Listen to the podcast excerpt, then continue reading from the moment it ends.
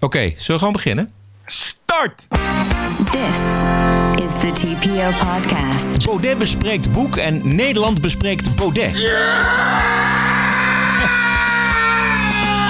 Europeanen hebben niks tegen de macht van Brussel, maar vragen Frans Timmermans naar hele praktische zaken. Hé, hey, ik zit met een probleem. Ik kan geen woning meer vinden. Kunnen jullie er ook wat aan doen? En de New York Times columnist heeft een vier voor de kont van Donald Trump. You and I can disagree with whether Donald Trump is the American president that America deserves right now, but I'm absolutely certain he's the American president that China deserves right now. Aflevering 121. Ranting and Reason. Bert Bresson, Roderick Phalo. This is the award-winning TPO podcast. En het is maandagavond 20 mei. En we, we zijn nog een beetje aan het bijkomen van wat zich eh, vandaag vanaf het middaguur zo'n beetje allemaal op Twitter afspeelt. Bert, eh, eh, heb jij nog overzicht? Nee, ik ben er gaan bijkomen van het Songfestival, Roderick. ik, ik dacht dat we er niet over zouden beginnen. Dat wij het enige medium, de enige rubriek in de hele wereld zouden zijn die er niet over waren Nee. begonnen. Ik weet zeker dat jij daar geen niets Dat van zou je willen. Ja, ja. Jawel, want mevrouw, hier, mevrouw hier die kijkt dat per se. Ja? Dus ik dat eh, noodgedwongen meegekeken. Ja. Ja, nee, Zeker ik, heb ook zo'n mevrouw die dat graag wil zien, maar dan ga ik toch echt iets anders doen. Dus ik was gevlucht naar Twitter, maar bij Twitter was je ook al helemaal ingebed in het Songfestival. Dus ik geloof dat ik een Ja. boek gepakt heb. Al dagen. Ja. Dus dat is echt al, al 48 uur was alleen nog maar Songfestival trending topic. Die organisatie van het Songfestival, de baas daarvan, heeft Madonna dus 1 miljoen euro moeten betalen om daar haar, haar drie minuten te komen optreden. En dat heeft hij uit eigen zak betaald, want daar heeft hij dus, ik geloof, geen organisatiegeld voor gebru- gebruikt.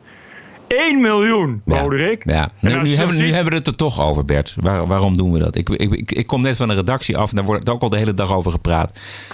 Afgelopen zondag. Over, en nu gaan wij het er ook. Ik wil het er niet met jou over hebben. Laten we het hebben over de Twitter-hysterie. Want een ander woord is er eigenlijk niet voor te vinden. Over de boekbespreking van de laatste Wellebeck.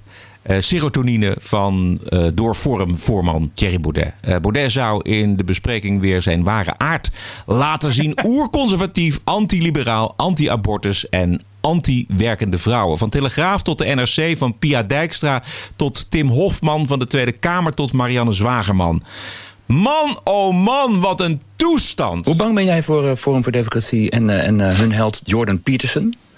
Nou, ik vind het wel angstig. Kijk, ik vecht al jaren tegen dat mutsenparadijs... en ik zie niet dat het helpt. En, en volgens mij ligt dat niet aan mij, durf ik dan in alle bescheidenheid zeggen. Want jij Maar- voert die maar- strijd met overtuiging. Ja, maar je ziet een aantal ontwikkelingen. Hè. Er komen bijvoorbeeld veel bevolkingsgroepen bij in Nederland... waar het ook al niet zo gewoon is dat die vrouwen werken. Maar met name wat ik zie bij die jonge mannen... Hè, die, die twintigers, achter in de twintig...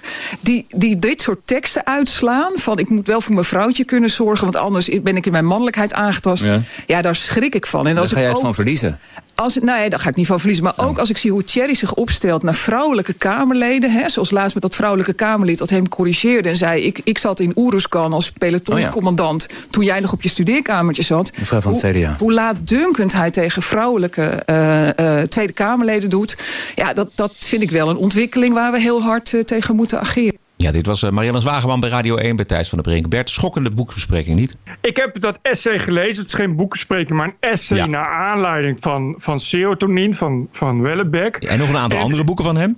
Ja, nou, nou, nou, en het enige wat Thierry Baudet heel keurig doet, is binnen het denkkader van Wellebeck, binnen het frame van, van de filosofie die Wellebeck volgens Baudet tentoonspreidt, ge- geeft hij meningen. Maar eh, de gevraagde passages, dus één passage waarin hij het he- dus heeft over abortus en euthanasie, waarin hij overigens wel eh, eh, zegt dat in Nederland je dat over geassisteerd euthanasie is helemaal nog niet zo zeker. Dus hij, hij trekt het wel iets, iets te veel naar de zekerheid, terwijl dat niet zo is. Maar wat hij zegt is alleen maar, is als je de wereld van Wellebeck bekijkt, die dus volgens, volgens Baudet een strijd voert tegen, tegen doorgeslagen individualisme, te veel vrijheid, geeft hij gewoon een voorbeeld van, van wat er gebeurt als je te individu- individualistisch bent en te veel vrijheid hebt. Nou, daar zijn abortus en euthanasie verder prima voorbeelden van. Ik snap niet wat daar mis mee is. Hij gebruikt dat gewoon eh, als illustratie. Ja, ja hij schrijft: Van- tegenwo- tegenwoordig kan zelfs nieuw leven in de baarmoeder worden geblust om de vrijheid van het individu niet te verstoren. In Nederland, waar Hmm. ik woon, wordt zelfmoord vergemakkelijkt om ervoor te zorgen dat ook hier geen beperkingen zoals de plicht om voor je ouders te zorgen op het individu worden geplaatst. Ja, het, dat klopt toch? Ja. Maar hij geeft daar toch geen mening? Nee. Ik snap gewoon niet waarom ze erbij halen dat hij nu ineens iets anders vindt van abortus dan dat in zijn programma. Hij geeft gewoon als voorbeeld van, van een, een illustratie van, nou, wat is ver doorgevoerd individualisme? Nou, dat is abortus, want het- hij zegt het niet letterlijk, maar dat, is, dat kun je zien als eh, eh, het vermoorden van kinderen nog in de baarmoeder. Ja. Je, en dat is natuurlijk, wat, wat, eh, eh, wat conservatieve denkers, waar die in dit geval even eh, mee vreemd als, als conservatieve gedachtegang. Ja, die zullen dat denken. Maar hij zegt nergens, ik vind dat ook verschrikkelijk. Of we moeten dat bestrijden. Dus ik begrijp gewoon niet waar die ophef vandaan komt. En dan heeft hij het ook nog over vrouwen. En dat Ja. is precies hetzelfde. Ja, exact. Daar daar komen we zo op. Even, even terug naar 14 december vorig jaar. Toen was er een debat tussen Baudet en Kees van der Staaij van de SGP over onder meer abortus. Eh, als het gaat om de stelling zelf over abortus, een motie van de SGP om ook oog te hebben voor de waarde van gehandicapt leven in het kader van de abortuspraktijk, werd ook niet gesteund door Forum. Ehm, eh, dus ik heb eigenlijk drie, vier voorbeelden gevonden. Dit thema eh, is eigenlijk gewoon D66-koers die eh, Forum vaart. Je kan mij niet meer beledigen, dat begrijpen jullie. Maar inderdaad, wij staan in dit, op, op dit moeilijke thema aan, aan de andere kant. Wij kiezen voor, de, voor de vrijheid voor de vrouw en de, de, de beschikking, het beschikkingsrecht voor de vrouw. Ja, dus het antwoord op de vraag: keert Baudet zich tegen abortus en euthanasie? Het antwoord is gewoon nee. Nee, dat staat ook nergens. Dat hele Nee. essay is ook geen enkele aanleiding om dat te doen. Het enige wat hij doet is een voorbeeld geven van hoe, hoe Wellebeck dus inderdaad doorgeslagen individuali- individualisering zou kunnen zien. En zelfs als, eh, nou hij heeft dus geen mening bijgegeven, maar zelfs als hij het had gedaan, zelfs als hij had geschreven, ik vind eh, bijvoorbeeld als hij had letterlijk had geschreven, ik vind abortus en euthanasie te ver doorgeslagen individualisering, dan zegt dat nog steeds helemaal niks over het partijprogramma. Maar dat deed hij heel keurig gewoon niet. Hij gebruikt gewoon het wereldbeeld van Wellebeck om, eh, om daar iets te illustreren, iets te beschrijven over hoe, je, eh, eh, hoe, hoe iemand die het we- wereldbeeld van Wellebeck deelt, die zou dat inderdaad zo opvatten. Nou, neem een SGP, die vat dat inderdaad zo op. Even over die werkende vrouwen. Hij schrijft: Als jonge vrouwen de hele dag blijven werken, wordt het opbouwen van een gezin buitengewoon moeilijk. Zo niet onmogelijk. Dit is de reden waarom vrouwen in de westerse wereld steeds vaker minder kinderen hebben, als ze überhaupt die hebben. Een onvermijdelijk gevolg van dit alles is de demografische achteruitgang van Europa. Een ander resultaat is constant conflict, voortdurende concurrentie en uiteindelijk vechten, echtscheidingen en sociaal isolement. En een nieuwe generatie jongens en meisjes die opgroeien in een dergelijke mismaakte omgeving. En de vraag is, keert Baudet hier tegen de werkende vrouwen? Nee, ik, het, is gewoon een, het is gewoon ook wederom gewoon een, opvatting die je wel of niet kan delen. Die je eh, echt in een, in, in een filosofisch wereldbeeld kan zetten. Maar wat is er erg aan? Misschien klopt het wel. Het enige wat hij zegt is dat het inderdaad lastig is. En, en je moet ook het stuk ervoor lezen. Hè. Het gaat dus, eh, eh, die roman die gaat daar ook over, over het verlies van, van dingen die, die mensen aan elkaar binden. Dus het verlies van relaties, het verlies van, het verlies van contact. Dus het enige wat hij, wat hij zegt is, is van ja, kijk, het, traditionele gezin, daar hebben we geen binding meer mee. Een van de redenen daarvoor is omdat de vrouw is gaan werken. Wat is daar fout aan? Dat- nee, daar is niks toch? fout aan. Maar als ik nou eventjes voor de, voor de lol aan de andere kant ga Ja, hangen... ja, ja. dan becommentarieert hij het werk van Wellebeck wel degelijk met zijn conservatieve wereldbeeld... en, en gedachten over nou, de teleurgang van oude waarden, de romanticus in, in Baudet. Hm. Hij heeft dan een afkeer naar het liberale, naar het individualisme. Ja, maar dat heeft hij echt puur en alleen in het essay omdat Welbeck dat volgens hem heeft. Het, het is helemaal geen uitgemaakte zaak. Ja, wij kennen hem, dus daar zal hij dat voor een gedeelte hebben. Omdat hij dus inderdaad natuurlijk ook een soort van eh, liefde heeft, een, liefde heeft voor, voor conservatieven. In Ja. die zin dat hij inderdaad eigenlijk terug wil naar 1812 of zoiets. Ja. Weet je wel? Maar er is, dat is helemaal geen uitgemaakte zaak. Als je niet zou weten wie dit zou geschreven hebben, zou je dat helemaal niet uithalen. Het is echt een, het is ook echt een essay. Misschien zijn er ook heel veel mensen die gewoon niet weten wat een essay is. Dat zou natuurlijk ook nog kunnen. En ik vermoed ook dat heel veel hysterici nu op Twitter het hele essay überhaupt niet hebben gelezen. Is ook in het Engels natuurlijk ook moeilijk. Bovendien is het ook nog een beetje literair. En over schrijvers, dat is- moet je wel een beetje aandachtspannen voor hebben. Maar het is echt puur binnen, binnen dat construct, dat frame van, van wat vindt Wellebeck. Dit, dit, dat, het is helemaal geen uitgemaakte zaak dat hij dat dus ook vindt. Dit is echt een opvatting die je, die je inderdaad puur ook daarin kunt eh, injecteren om het verhaal eh, duidelijk te maken. Om, om bijvoorbeeld te zeggen, nou stel dat. Het staat er alleen niet zo letterlijk. Ik, ik begrijp gewoon niet. Weet je, en dan nog, maar dat vind ik dus het frappante, dan nog. eh, stel dat dat zo is. Eh, stel dat, dat Baudet, die eh, overigens weet ik inderdaad nog aparte opvattingen bijvoorbeeld heeft over porno en masturbatie. Die, die nogal, hij heeft inderdaad soms wel conservatieve opvattingen die nogal overeenkomen met die van Jordan Peterson. Die af en toe inderdaad nogal, laten we zeggen, christelijk conservatief zijn. Ja. Maar, maar Ja, wat dan nog inderdaad? ja, ja, ik, wat ik echt aan die hysterie niet begrijp, is alsof Thierry Baudet zojuist heeft verkondigd dat alle Joden toch moeten worden vergast of zo. Alsof je niet een opvatting mag hebben. Alsof conservatief denken ook niet meer mag. En dat vind ik het, eh, vind ik het, het frustrerende. En raar aan dit soort dingen, dat zie je, nu- zie je nu ook in Amerika. Dat, dat die mensen zeggen, ja, nee, dit zijn verworvenheden en vrijheden. En die staan dan vast. Oké, maar dan mag je ze ook niet meer vinden. Want als je ze vindt, ben je ook al een fascist. Honderdduizenden mensen die dit soort dingen vinden van abortus en van euthanasie. Of zelfs over emancipatie. Je mag daar toch wel iets van vinden. ga maar kijken naar alle conservatieve religieuze Ja. stromingen in Nederland. Daar, Ja. daar komt dat, de rol van de vrouw eeuwenlang is dat bepaald. En daar stoor ik me aan. En want ik ben helemaal geen conservatief. Ik ben pro-abortus en pro-euthanasie. Eh, pro-vrouw. eh, Nou ja. Maar ik, weet je, ik heb die, die, die conservatieve dingen deel ik helemaal niet. Maar ik begin me wel echt te storen aan de manier waarop het geframed wordt. Je hebt nu bijvoorbeeld eh, die, die, die, die club, hoe heet die club? Van, van, de, van de bescherming van het ongeboren leven. Die nu bij abortuszaken protesteren. Ja. Dat zijn ja. toch wel nogal activistische christenen. Waar ik verder helemaal niks mee heb. Maar ik begin bijna aan hun kant te staan, weet je.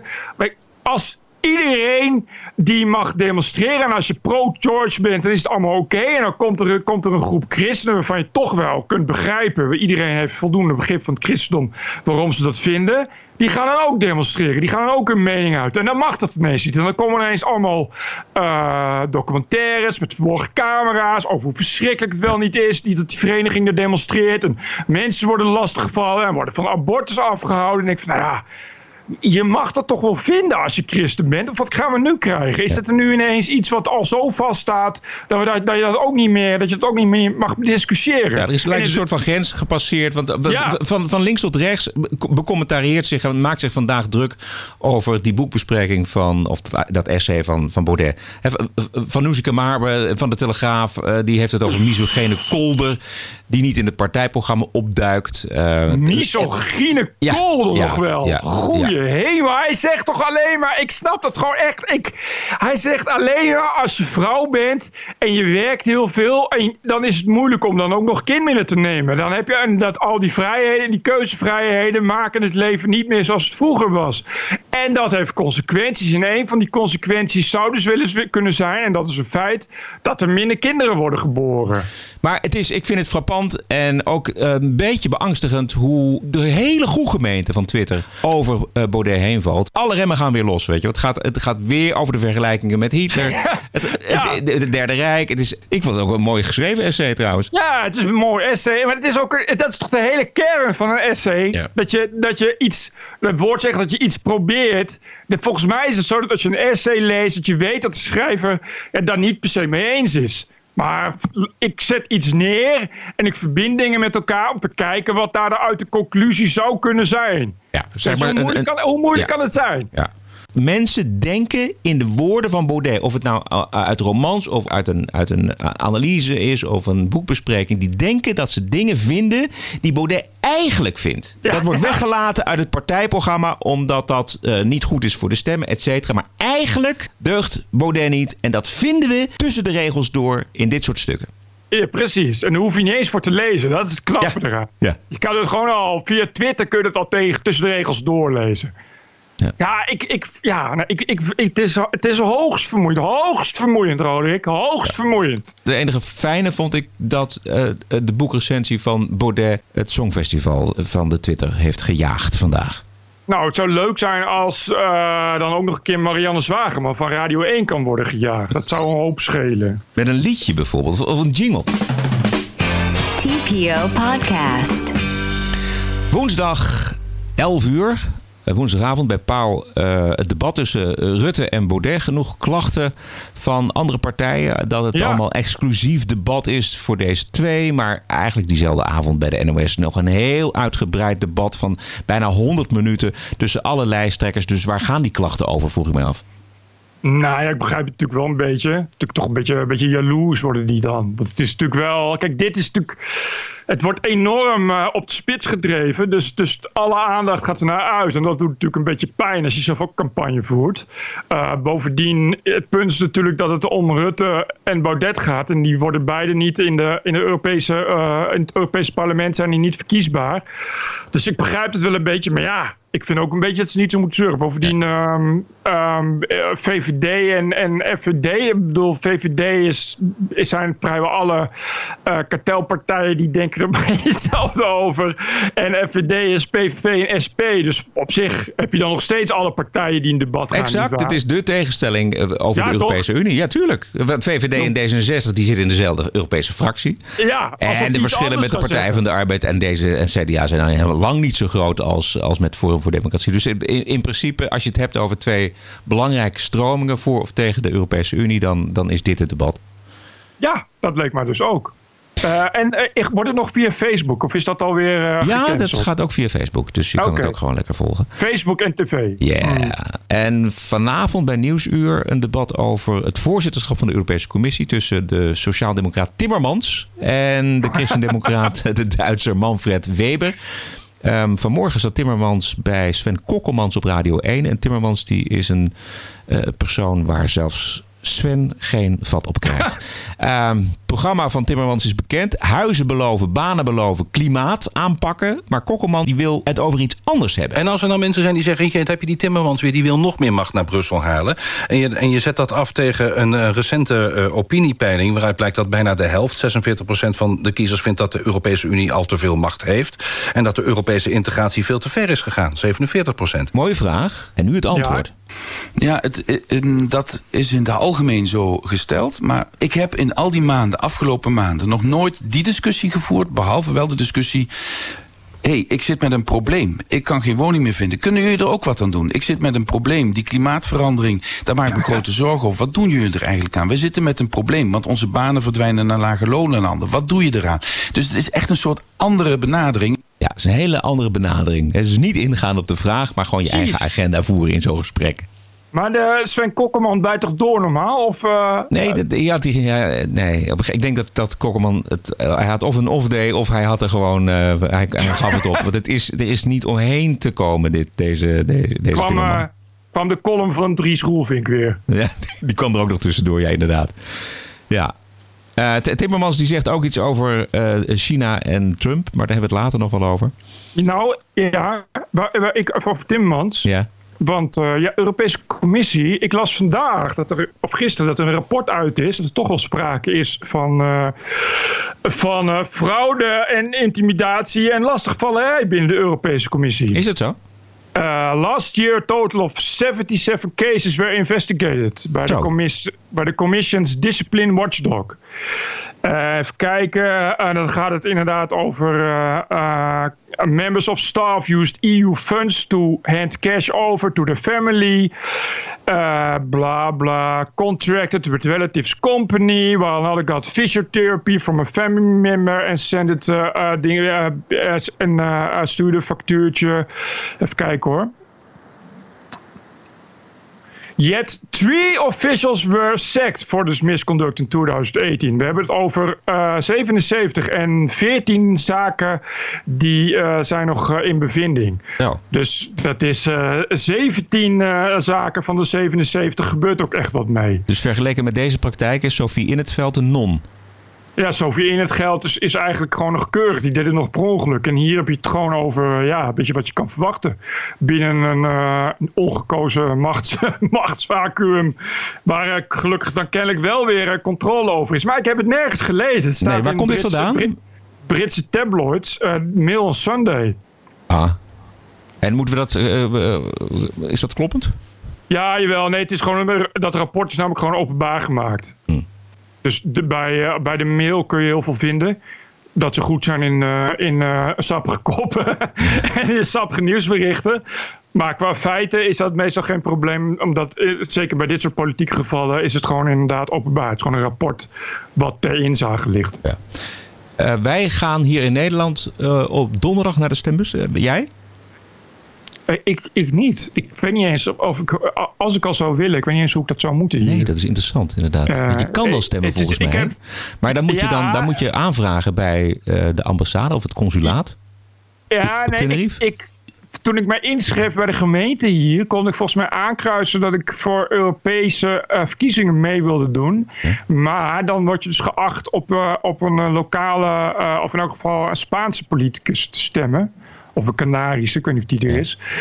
Uh, maar voor, om in Nederland mee te stemmen weet ik niet. Omdat ik niet, niet meer woonachtig ben in nee, Nederland. Ja, ja. Dus dan moet je echt apart inderdaad gaan aanvragen. En wat heb je daar heb je gekozen? Ja? Dat je dat wil? Nee, volgens mij niet. Ja.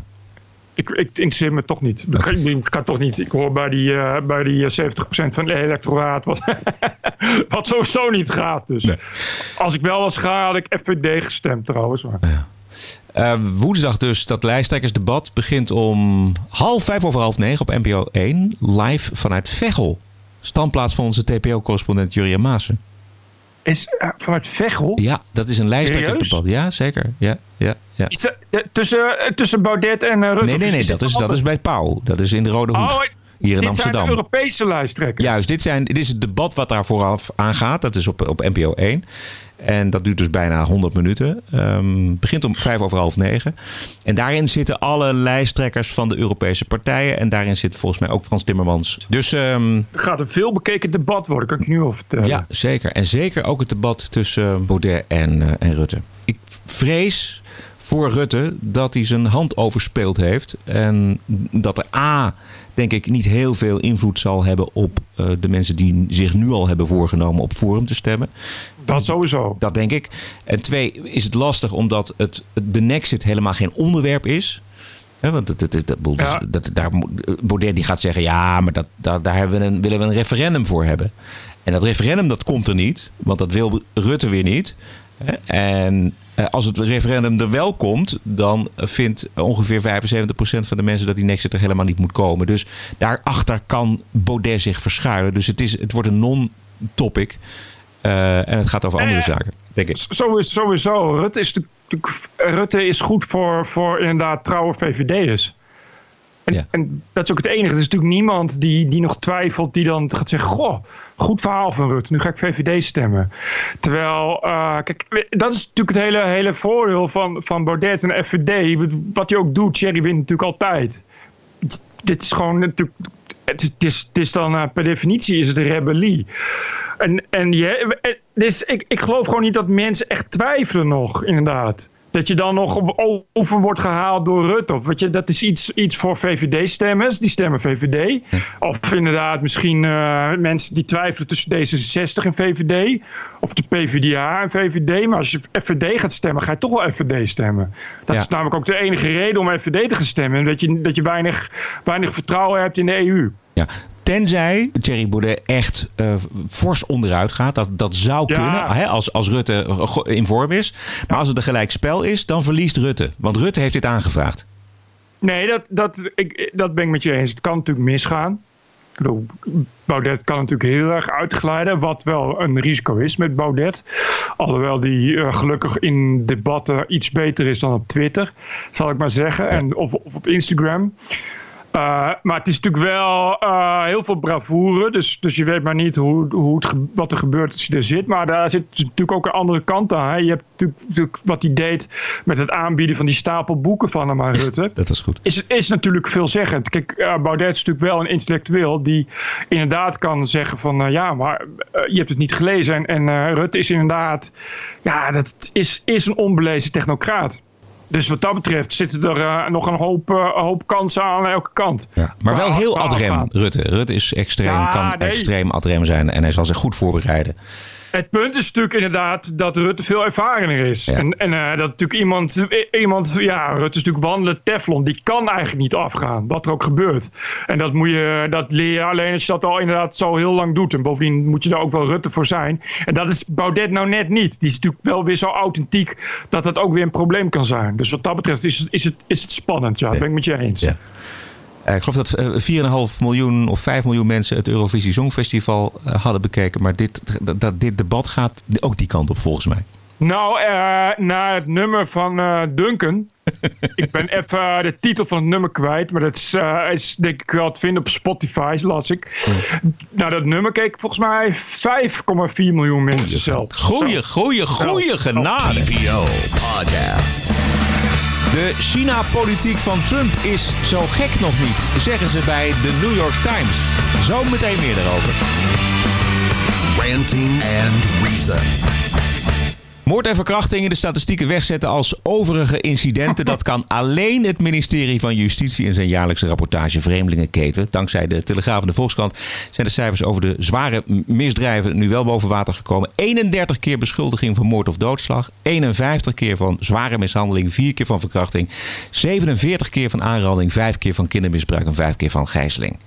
En dit komt over, precies, het potje over. De premier op de persconferentie op deze vraag van de Telegraaf. Meneer Rutte, wat dacht u toen u het uh, bericht las dat uh, Nederland wel door uh, het ministerie van Justitie en Veiligheid op de hoogte wordt gehouden van het aantal tasjesdieven gepleegd door criminele asielzoekers, maar niet over het aantal ehm, ja, registraties van moorden, doodslag, kinderporno en andere zedenmisdrijven? Nou ja, goed, dat is. En Harbers heeft dat gisteren ook gezegd. Hij baalt daar ontzettend van. Uh, en met hem natuurlijk het hele kabinet. Uh, dat dit beeld is ontstaan. Er is een, een, systematiek gekozen met een soort top 10. Waardoor dit soort hele ernstige delicten niet zichtbaar werden. Dat is natuurlijk verkeerd. Die moeten wel zichtbaar zijn. Dus complimenten uh, voor de journalistiek die dat scherp heeft gekregen. Het was niet bedoeld vanuit het ministerie om dingen te verdoezelen. maar het is wel verkeerd begrijpelijk. Ik, uh, TBS-kliniek zitten ook vol met mensen die schuin hebben overgestoken, propjes hebben gegooid, tegen de meester hebben gescholden en overig. Dus ik begrijp wel dat je dan zo'n zo top 10 maakt. Weet je, dat is ook als je, als je bij jou in de straat kijkt en je hebt ergens last van. Zeg je ook graffiti en uh, rondhangjongeren, kauwgom op de stoep. En overigens zoals uh, huisovervallen en uh, verkrachtingen en geweld. Het is logisch. Dat is toch logisch dat je dan zo je top 10 begint. Ja. Je hebt dus inderdaad ook heel veel geweld in de wereld. Hè? Maar dan heb je maar, toch ook aanslagen. Maar zeker eentje, eentje één keer in de twee weken of één keer in de maand. Mm -hmm. En die doe je dan in het potje overig. Ja, overig. Er gebeurt van alles in de wereld vervelende dingen, ziektes, leed, honger, ellende en overig. Ja. Er is, we hebben geen bewijs dat het, dat het is weggestopt, althans nog niet. En we hebben ook geen bewijs dat het niet is weggestopt. Uh, er zijn wel voorbeelden van in Duitsland. En daar blijkt dat de politie wel degelijk zware misdrijven van asielzoekers onder de pet heeft gehouden. Sterker nog, of kwam er nu een fragment? Nee. Nee, sterker nog, uh, dat is uh, in sommige deelstaten althans, uh, is dat er ook op aanraden van het ministerie in opdracht. En dat, ja. is al, dat, dat, dat speelt al jaren. Dat is overigens in Zweden ook zo, uiteraard. Ja. Ja. Het gidsland. Dus het is, nou, maar goed, dat is politie. En in Nederland is politie vrij open. Het gaat wel eens wat mis, dat is dan lokaal. Maar de cijfers van de politie die, uh, zijn, zijn gewoon uh, realistisch. Waar het niet dat het dan ook dit keer voor het eerst bij de misdaden inderdaad precies hetzelfde is, ge is gebeurd. Dat het allemaal is weggeschreven onder andere posten. Waardoor het ineens lijkt dat roofovervallen en zwaar geweld dalen. Terwijl het ja, wordt weggeschreven onder inbraken en, en vandalisme. Uh, maar dat is uh, niet in opdracht van het ministerie. Dus ik, ik, ik weet het niet. Ik vrees dat het hier toch vooral echt een uh, ambtenaren dingetje is. En, en, wat bedoel je dan? Nou, ehm, aan de politie ligt het niet, laat ik het zo zeggen. Die brengen dat, dat hebben ze ook gezegd. Die brengen, de politievakbond heeft er ook op gereageerd. Die hebben gezegd van wij hebben het niet zo aangeleefd in elk geval. Wij hebben het inderdaad gewoon duidelijk aangegeven wat wat is. Niet overig. En overig kwam niet in hun statistieken voor. Nee, de vraag is Eh, natuurlijk, Bert, wa- wat je, wat je met die top 10 wil laten zien. Wat, Ja, wat, zit daarachter? Het, is- het is natuurlijk onzin. Het is natuurlijk gewoon slim. Het is, het is, het is, kijk, dit is heel handig om van tevoren te bedenken. Ik maak een top 10. En dan zet ik. En dat is natuurlijk, heel raar dat je, dan, dat je dan dit niet op één zet. Maar dat moffel je maar dan waarom weg. maak je een top 10? Je wilt iets communiceren, neem ik aan. Of, je, of het nou de politie of het ministerie van Justitie is of wat dan ook. Maar je, je, je maakt een top 10, dus je wil iets communiceren. Ja, wat? Omdat, omdat, je dan, omdat je dan weet dat als, het, als er over wordt gezeken, dat je dan dit kunt gaan zeggen. En als er niet over wordt gezeken, dat kan, daarom zei Rutte ook heel opvallend, compliment voor de journalistiek. Weet je, en we weten allemaal dat dat eh, eh, niet altijd eh, zo is in Nederland. Dus als het onopgemerkt was gebleven, komt dat mooi uit. Ik, ik denk dat dat gewoon bewust is gedaan. Dat er gewoon mensen aan de tafel hebben gezeten en gezegd: hoe gaan we deze cijfers verkopen zonder dat eh, we meteen een dikke vette kop in de Telegraaf of op de TPO-podcast hebben over hoe slecht het gaat met, eh, met de asielzoekers. En dat iemand heel slim heeft bedacht: als we er nou eens een top 10 van maken. En dan zeggen we gewoon dat, dat die geweldsdelicten, ja, dat die dan niet in die top 10 past. Dus dan noemen we die overig. Dat denk ik. Ik, ik vertrouw dat gewoon in elk geval niet. Rutte, Rutte weet niets van toedekking. Ik heb geen aanwijzing dat iemand daar iets heeft willen toedekken. Ik denk dat er een fout gemaakt is om het zo te doen. Dat, hadden we zo, dat had zo niet moeten gebeuren. Dat vindt Harbers ook, dat vinden we allemaal. Eh, Wat ik opvallend vond was dat het OM ook niet paraat had hoe deze delicten zijn afgehandeld en wat er met die asielzoekers gebeurd is. Want volgens de Nederlandse Vreemdelingenwet verspelen asielzoekers die zich misdragen, eh, laat staan ernstige misdaden plegen, hun kans op asiel of wordt hen de status ontnomen en moeten ze weg. Maar omdat de staatssecretaris Harbers criminele asielzoekers niet uitzet en niet uitgezet krijgt, is er eh, alle reden om de zware misdadigers in de la overige incidenten weg te stoppen. Ja. Volgens mij. Ja. Dat, precies, maar dat is, dat, dat, er is dus alle reden voor. Dat maakt het zo verdacht. En dat het OM dat niet heeft, dat verbaast me niks. Dat Als je bij het OM iets gaat op, opvragen, dan is de kans heel klein dat ze dat ook hebben. Dus dat ligt meer aan, eh, aan, de, aan de fantastische eeuwigdurende competentie van het OM. Overigens is het volgens mij eh, recent via een uitspraak van het Europese Hof nu ook niet meer mogelijk om misdadigers, eh, misdadige asielzoekers uit te zetten. Oh nee? Nee, eh, je kan ze dus wel de status ontnemen. Dat recht blijft, maar het is zelfs zo eh, dat eh, als je bijvoorbeeld iemand vermoordt of verkracht en de gedachte is dat als die weer vrijkomt dat die nog gevaarlijk is voor de maatschappij, dat dat niet opweegt tegen het mensenrecht. En je, eh, als het gaat om dus inderdaad asielzoekers uit landen waarvan eh, vaststaat dat ze daar eh, terechtkomen in een vreed regime en worden gemarteld. Juist, exact. Of in een oorlogsgebied. Maar dit, dit, is, dit, dit klopt. Dit is al, dit is al standaard. De, de, dit, is al, dit, dit is al jaren zo. Dat klopt. En dat betekent in de, in de theorie dat er dus oorlogsmisdadigers in Nederland kunnen blijven. Die niet uitgezet kunnen Juist. worden. Ehm, en dat is, ook al een, een- dat is natuurlijk ook de praktijk. En dit gaat om kansloze asielzoekers die uit landen komen waar niks aan de hand is. Ja, ja exact. exact. Dus die, hand, dus die kunnen wel terug. Juist. En dat gebeurt dus niet. Nee. En dat worden er elke keer meer. Eh, Van de week ook in Leersum, geloof ik. Dat er weer, eh, ik geloof, een groep van vijf minderjarige asielzoekers. Die burgemeester heeft ze eh, ja, uit de gemeente gezet. Die eh, heeft gezet, nou laat het Coa maar iemand anders zoeken, een andere gemeente. Wij hebben dit nu jaren gedaan. Want die horen bij een groep van, van TIG alleenstaande minderjarige asielzoekers. En dit groepje was herhaaldelijk verantwoordelijk voor, nou ja, tuiggedrag. Dus buschauffeurs bespugen, bedreigen, winkeldiefstal, geweld. Je kent het wel. Eh, en die burgemeester heeft gezegd: Oké, ik, ik, je, mag niet meer, je mag hier niet meer in. Zoek maar. Eh, Laat, laat de andere gemeente het nu maar oplossen.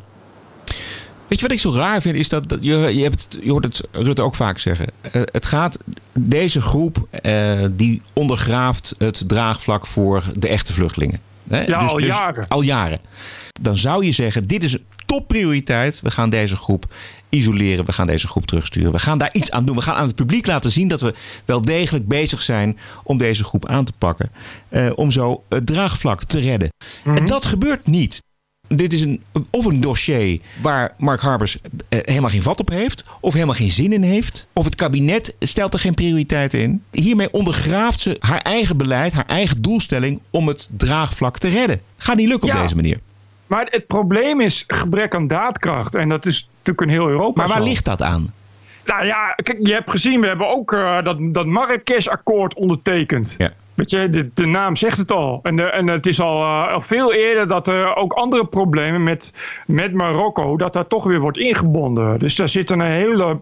Ja, die Marokkanen eh, waar ze vandaan komen, of die Tunesiërs, of, of eh, Libië. Libië is natuurlijk geen. eh, een, een- hebben die überhaupt een regering, Libië? Hoe dan ook. Twee, geloof ik. Die, die Noord, ja, precies. Die Noord-Afrikaanse landen zeggen: wij willen ze niet. Je, je kan ze niet terug uitzetten. Ja. Dan, en dan heb je dus een probleem. Dan moet je dus druk gaan uitoefenen. Dan moet je naar Marokko tegen koning Hassan zetten, zeggen: ah, ik, ga ze alsnog uitzetten. Desnoods gooi ik ze met een parachute uit het vliegtuig. Boven jouw paleistuin. Maar eh, je gaat er maar voor zorgen dat je ze terugneemt. Want er is hier niks aan de hand en jij laat ze ook gaan. Dat moet je dan doen. Maar ja, dat gebeurt natuurlijk niet. Kijk, het probleem is, de gedachte is. eh, deze mensen zijn hier, zijn onderdeel van de maatschappij, op welke manier dan ook. Eh, dus moeten worden aangepakt met het strafrecht. Want die geldt ook voor, voor jij en ik. En als je gaat zeggen, eh, zoals dat zag je dus van de week met de reactie op dat filmpje wat Thierry Baudet retweette. Dat was een oud filmpje van eh, identitair verzet uit Oostenrijk, meen ik. Heb ik. En in het, en in dat filmpje, ja, die, die zit, zie je een paar meisjes, vrouwen, meisjes, die zeggen, eh, ja, nou, het komt er eigenlijk op neer dat ze zeggen, doordat jullie alle vluchtelingen toela- eh, toelaten, zijn wij nu steeds meer slachtoffer van verkrachting. Even Nou, luisteren? Ja, doe maar. Mein Name ist Mia. Mein Name ist Marie. Mein Name ist Eva. Ich wurde in Kandel erstochen. Ich wurde in Malmö vergewaltigt. Ich wurde in Rotherham missbraucht. Und ich wurde in Stockholm überfahren. Die Täter lauern überall. Wenn wir im Park joggen gehen, Wenn wir abends von der Arbeit nach Hause kommen, wenn wir an der Bushaltestelle warten. Wir sind nicht sicher, weil ihr uns nicht schützt. weil ihr euch weigert, unsere Grenzen zu sichern. Weil ihr euch weigert zu kontrollieren, wer hereinkommt. Weil ihr lieber jede Kritik an euch zensiert, als uns ernst zu nehmen. weil ihr uns lieber sterben lasst, als eure Fehler einzuräumen. Wegen eurer Zuwanderungspolitik stehen wir bald einer Mehrheit von jungen Männern aus archaischen, frauenfeindlichen Gesellschaften gegenüber. Ihr habt das gewusst. Ihr habt das gewusst. Ja, de bron is rechtsextremisme? Of, Ja, eh, identitaire. Want ik, want ik ken het filmpje al. Het is inderdaad al een paar jaar oud. En in dit geval was het bewerkt. Eh, met aan het eind zag je dus inderdaad wat Nederlandse. Jesse Klaver op eh, Mark Precies. Rutte, precies. En dan met de tekst, ik es gewoest. En dat is een verwijzing Juist. natuurlijk naar het slechte excuus van veel Duitsers na de Tweede Wereldoorlog dat ze niets van de holocaust hadden geweten. Ehm, Exact. kwam ook een storm van protest eh, Ja, op. ja, dat was, dat was echt. werd het meteen weer. Zie je nou wel? Het is duidelijk dat Baudet. eh, want het was natuurlijk van een neonazi. Zeggen ze. Het wordt allemaal op één hoop gegooid. Maar er was ook. Zie je Nee, wel? maar het is ook niet handig. Dat vond ik, ik vond niet handig. Ik bedoel, ik vond, Nee, eh, ik je, vond je het heel moet, dom. Heel dom. Je moet weten waar het vandaan komt en niet zomaar Precies. wat, wat plaatsen. Maar, ja? Wat ik erover wilde zeggen is, eh, als je de reactie van links zag, eh, bijvoorbeeld eh Rutger Groot-Wassink, die ging er helemaal op los, is dat je ziet dat zeggen van ja, maar als je dit zegt, dan noem je alle asielzoekers, ja, noem je verkrachters. Weet je, dat is racistisch. En dat is dus het probleem. Dat je op het moment dat je gaat zeggen: ja, eh, we, we, we, nemen één groep eruit, namelijk kansloze asielzoekers die overlast veroorzaken. En die behandelen we niet met het strafrecht, maar die zetten we het land uit. Die partijen die zeggen: ja, dat, als je dat doet, is racisme. Die mensen zijn gewoon onderdeel hier. Die zijn gewoon onderdeel van de samenleving. Terwijl ik zeg. Eh, ik zou zeggen ja, maar kijk, wat die meisjes zeggen hebben natuurlijk een punt. Je kan wel zeggen eh, dat er ook gewoon blanke verkrachters zijn, dat is ook zo. En eh, ook als je geen asielzoekers binnenlaat, worden ook vrouwen verkracht, dat is ook zo. Maar als je slachtoffer bent van een verkrachting en de dader is asielzoeker, dan denk je dat niet. Dan denk je dus maar één ding en dat is als jij niet was binnengelaten, was ik niet verkracht.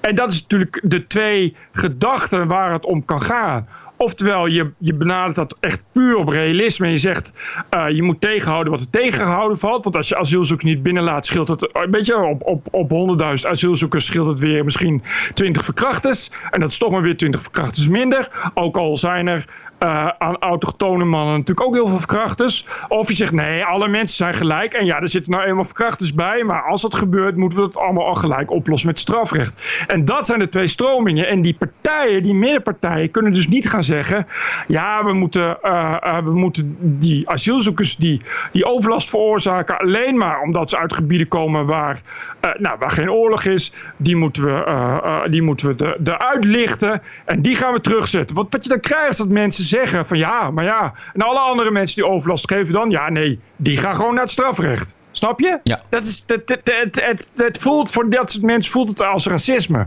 Voor mij niet. Ik vind, eh, ja, ik, weet je, ik vind dat heb ik altijd gevonden. Het is voordeel. Als je, dat heb ik ook met dubbele paspoorten gevonden. Als iemand een dubbel paspoort heeft, dan kun je hem terugsturen naar een ander land. En dan kun je zeggen, ja, en hoe zit het dan met mensen die geen dubbel paspoort hebben? Nou, die niet. Maar het is fijn dat, dat je dus al een groep hebt waarmee je dat kan. Het zijn gewoon extra voordelen in dat geval. Er zijn natuurlijk ook andere argumenten, namelijk dat er veel asielzoekers uit eh, landen komen waar op een andere manier naar vrouwen wordt gekeken. En die komen dan opeens hier in, in Europa waar vrouwen in minirokjes lopen en, en die weten zich daar geen raad mee, zullen we maar zeggen. Als daar heel veel mensen vandaan komen uit die regio, dan, dan importeer je toch ook een, een probleem voor vrouwen? Ja, dat zeggen wij, maar dat mag je dus niet zeggen. Dat gaan ze dus bij D66 nooit zeggen. Nou, dat vond ik dus interessant dat je dat zegt. Want Rob Jetten die twitterde wat een misselijke kant van Baudet.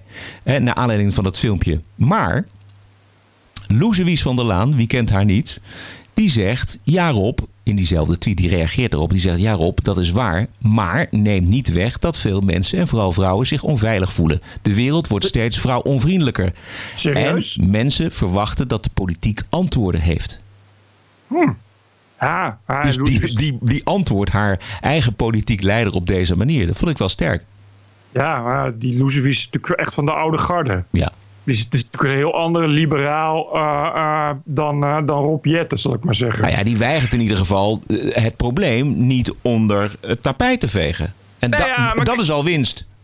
Ja, zeker. Maar voor die middenpartijen is dat probleem benoemen past dus niet in hun, in hun idee. Past ook niet in hun beleid. Dat, dat, is, dat kan nog steeds niet. Dan krijg je dus inderdaad van ja, maar dan ga je weer roepen dat andere. Of dat onze cultuur superieur is en dat soort dingen. Ja, dat, dat willen ze niet. Dus het is vrijwel onmogelijk om voor, voor die middenpartijen, ook voor, voor PvdA, D66 en GroenLinks, CDA is natuurlijk, natuurlijk die hinkt vaak op twee gedachten, omdat, eh, en ook voor VVD, al, alhoewel je toch zou zeggen dat een liberaal, maar goed, dat, bedoel, hoe liberaal is VVD? Maar het is natuurlijk onmogelijk om daar iets mee te doen. Nog afgezien van, de, van het praktische probleem dat je die mensen dus niet kan uitzetten. Daar, ja, wat jij zegt dan ja, en dat vind ik ook. Dan moet je gewoon alsnog, de, land maar gewoon een vliegtuig op het vliegveld van Marrakesh. En gooi die mensen er maar uit, vliegen we weer verder. Weet je wel? Maar ja, het, het kan natuurlijk niet. Het geeft een enorm probleem, een diplomatiek probleem. Waarmee je wel bereid moet zijn om om te gaan. En als je dat doet, reken maar dat die landen heel Europa erop aanspreken. Dus je weet nu al hoe leuk Juncker en Timmermans dit gaan vinden. TPO Podcast. Maar eerst nog even een laatste berichtje uit eh, de eigen stad hier, Amsterdam. We hebben eindelijk een gezicht eh, en een stem bij de actiegroep... die eh, via bedreigingen van sympathisanten Oh, ja. voor elkaar hebben gekregen... dat het VOC-café in Amsterdam de naam eh, verandert. En zijn naam is Joris Hansen. En de actualiteitenrubriek 1 Vandaag had hem voor zijn camera. Zeg maar, wij, wij, wij hebben die bedreiging niet gedaan. Het enige wat wij gedaan hebben is we hebben opgeroepen om, om het VOC-café hierop aan te spreken. Om ze aan te spreken op het feit dat, dat de VOC een, een organisatie van, van moordenaars, van uitbuiters, van plunderaars, van slavenhandelaars was. We, zijn, wij zijn blij dat nu, dat nu, die, naam, eh, dat nu die naam veranderd wordt. Ja. Maar het is toch wel triest dat daar bedreigingen voor eh, nodig zijn geweest. Ja, liever hadden wij het ook zonder bedreigingen gehad. Wij snappen dat mensen zich zo uitlaten op Facebook. Ja, maar ik hoor niet eh, duidelijk die bedreigingen veroordelen. Ehm, volgens, mij, volgens mij heb ik antwoord gegeven op de vraag. Ik ga het Ja, maar je veroordeelt, die je veroordeelt die bedreigingen niet. Wij snappen dat mensen zich zo uitlaten op Facebook. Ja. Dus je veroordeelt de bedreigingen niet. Ja, dit is Joris Hansen en die heeft dus op Twitter 44 volgers. Het is ook echt, het is niet doen qua satire. Nee. Er is ook inderdaad iemand waarvan je denkt dat hij er zo uitziet. Met een bleek veganistengezicht en een krakerskapsel. Inderdaad iemand met 44 volgers. Dus ik vermoed ook dat hij op Facebook vooral zijn eigen trollenlegers heeft ingezet. En het is elke keer weer een blanke. Weet je, dat, dat vind, ik het, vind ik het treurige eraan. Dat is niet dat je, dat je denkt dat iemand die zwart is daar ook nog iets mee heeft. Het is elke keer een blanke. Wat is het probleem? Ja, maar hij krijgt het wel voor elkaar, Bert, met 44 volgers. Het is toch niet te doen dan? Ja, dat is niet te doen inderdaad. Maar er is hoop. En hoop is overal om ons heen aanwezig. This is CNN breaking news. Donald Trump is not going to be president of the United States. Welcome to Morning Joe. Mr. President, if there is no collusion. The government shutdown is now in week four. Today was not just like a normal stormy day in the news. This is not just my opinion. TPO Podcast. This is evidence.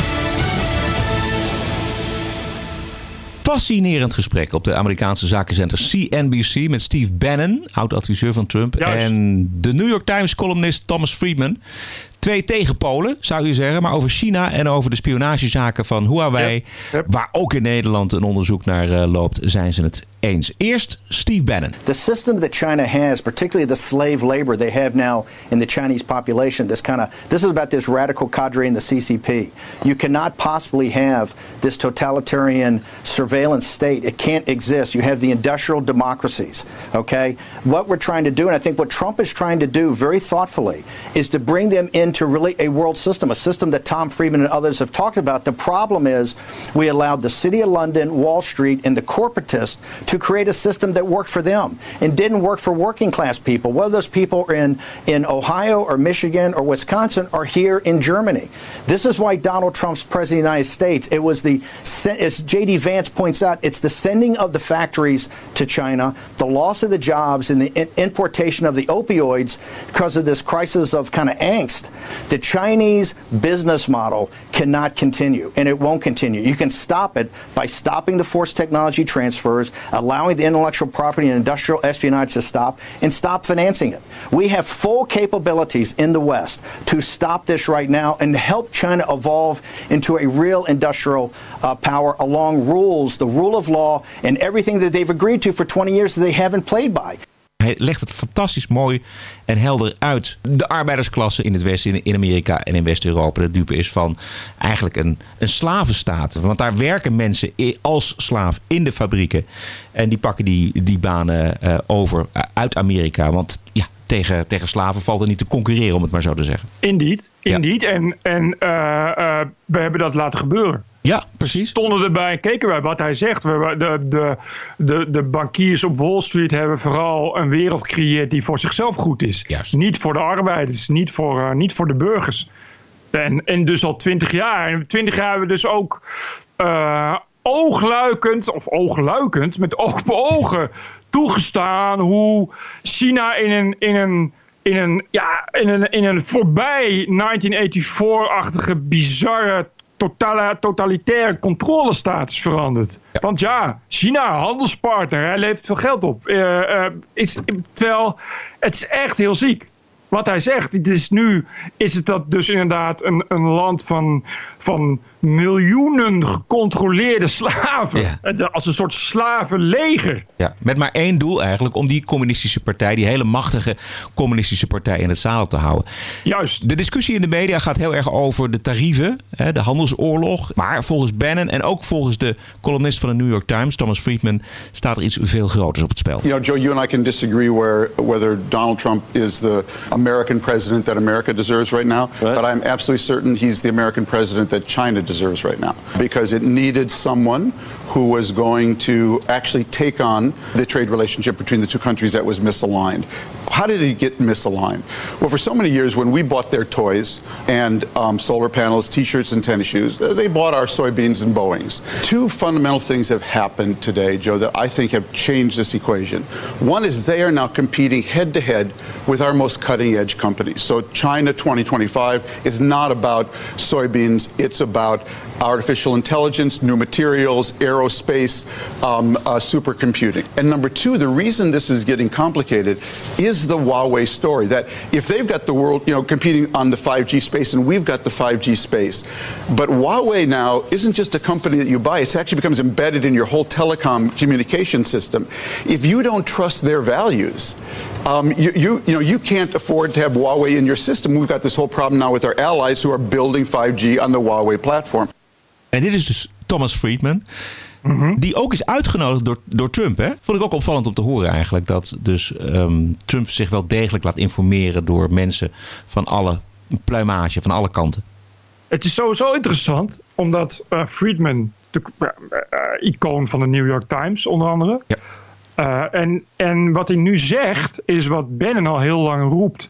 Eh, en het is heel lang, en Trump dus ook, heel lang ook afgeschilderd als een soort van complottheorie. Weet je, wat die spionerende Chinezen. Rusland, dat is, dat is de grote vijand. Terwijl Bannon inderdaad daar altijd voor heeft gewaarschuwd. En nu zegt Friedman dus eigenlijk precies hetzelfde.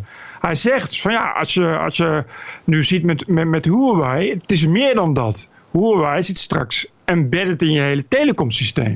En als je dan inderdaad de waarde, de values van dat bedrijf van de Chinezen niet vertrouwt, heb je een probleem. Dat is precies wat Bannon al heeft gezegd.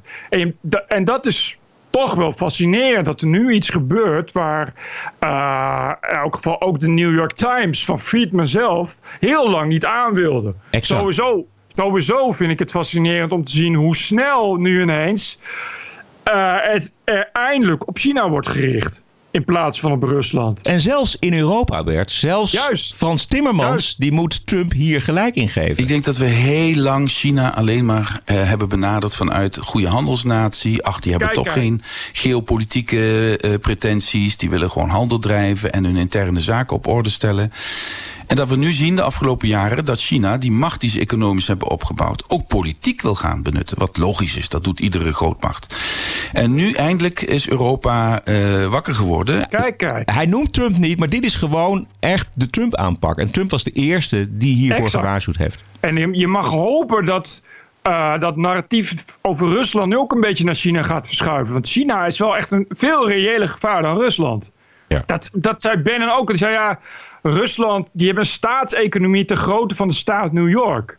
Weet je, eh, er is geen reden om te denken dat als er al iets gaat gebeuren met Rusland, eh, dat, we dat, dat, we dat, niet, dat we dat niet aankunnen of dat we dat verliezen. Eh, Poetin kan weinig anders dan inderdaad eh, grootspraak houden. In de traditie van eigenlijk alle van zijn voorgangers zou je bijna willen zeggen. Dat waren dan communisten. Maar het is vooral veel bluffen. En Poetin wil ook niets anders dan alleen zijn eigen territorium verdedigen. China is van een heel andere orde. Precies. geen- China zit in Afrika, China zit overal. Ze zijn op, op veel meer uit dan alleen maar goede handelsrelaties. Even over Timmermans nog, want die ziet toch nog kans om eh, de Trump even te bashen. Het gaat over het uitrollen van het 5G-netwerk met behulp van, een, eh, van Huawei. Vandaag is bekend geworden dat, dat Google Huawei de toegang tot Android eh, gaat beperken. Sommige landen in Europa staan best welwillend tegenover eh, Huawei. Telkens in het nieuws, nu ook vandaag weer. Omdat de Amerikaanse bedrijven Google en zo hebben gezegd dat ze allerlei dienstverlening aan ap- apparatuur van Huawei, met name tele- telefoons, gaan stopzetten. Eh, ja, en, dat, is- en daarmee zetten ze heel vaak juist de armste mensen in de Verenigde Staten eh, op het platteland echt in de problemen. Want die zijn, die zijn afhankelijk van goedkope apparatuur om verbindingen op platteland tot stand te brengen. En dat dreigt nu door het optreden van Trump onmogelijk gemaakt te worden, zodat je het straks ook geen noodoproepen meer vanaf eh, boerderijen kunt doen. Ja, dat zou toch tragisch zijn. Jezus, dat Mooi, is wel heel simplistisch, Ja, zeg. ja.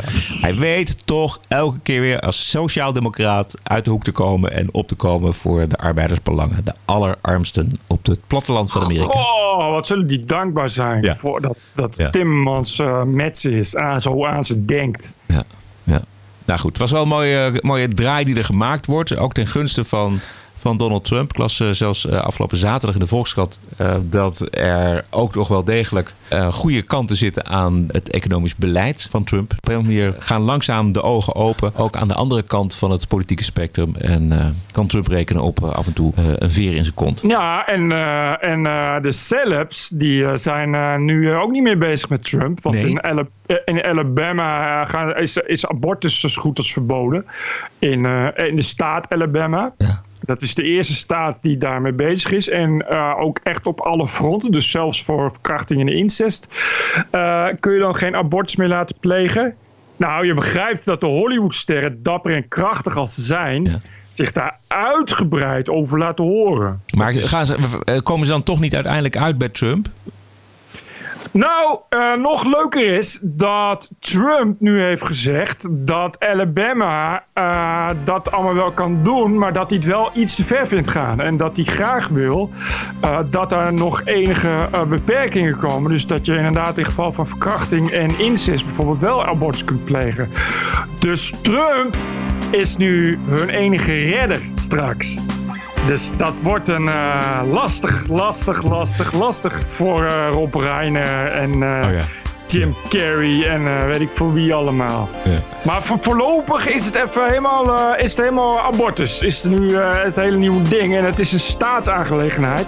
Dus Trump zelf heeft er niet zoveel meer te maken. Dit was aflevering 121. Als u het leuk vindt, of eh, belangrijk misschien wel, eh, deze TPO-podcast, steun ons dan met een donatie. Dat vinden we fantastisch. Daar zijn we dankbaar voor. Daar doen we mooie dingen mee ehm, eh, voor de show. Dat helpt ons en de podcast en natuurlijk uiteindelijk u zelf ook. Ga naar tpo.nl slash podcast. Daar vindt u alle mogelijkheden om iets te doneren als u dat graag wilt. En wij zijn dan terug dinsdag.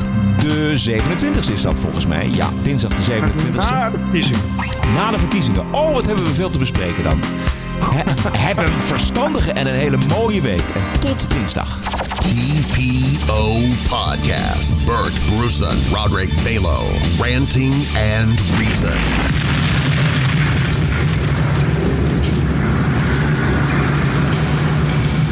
Ik ga even eh, wat nummers van Duncan downloaden. Heeft hij nog meer nummers dan? Ik heb me dat nooit zo niet aangetrokken gevoeld tot een eh, Eurovisie-evenement. Ik ga dan liever stemmen. Podcasting is the TPO podcast in the Netherlands. Bert and Roderick. What a show. I'm telling you.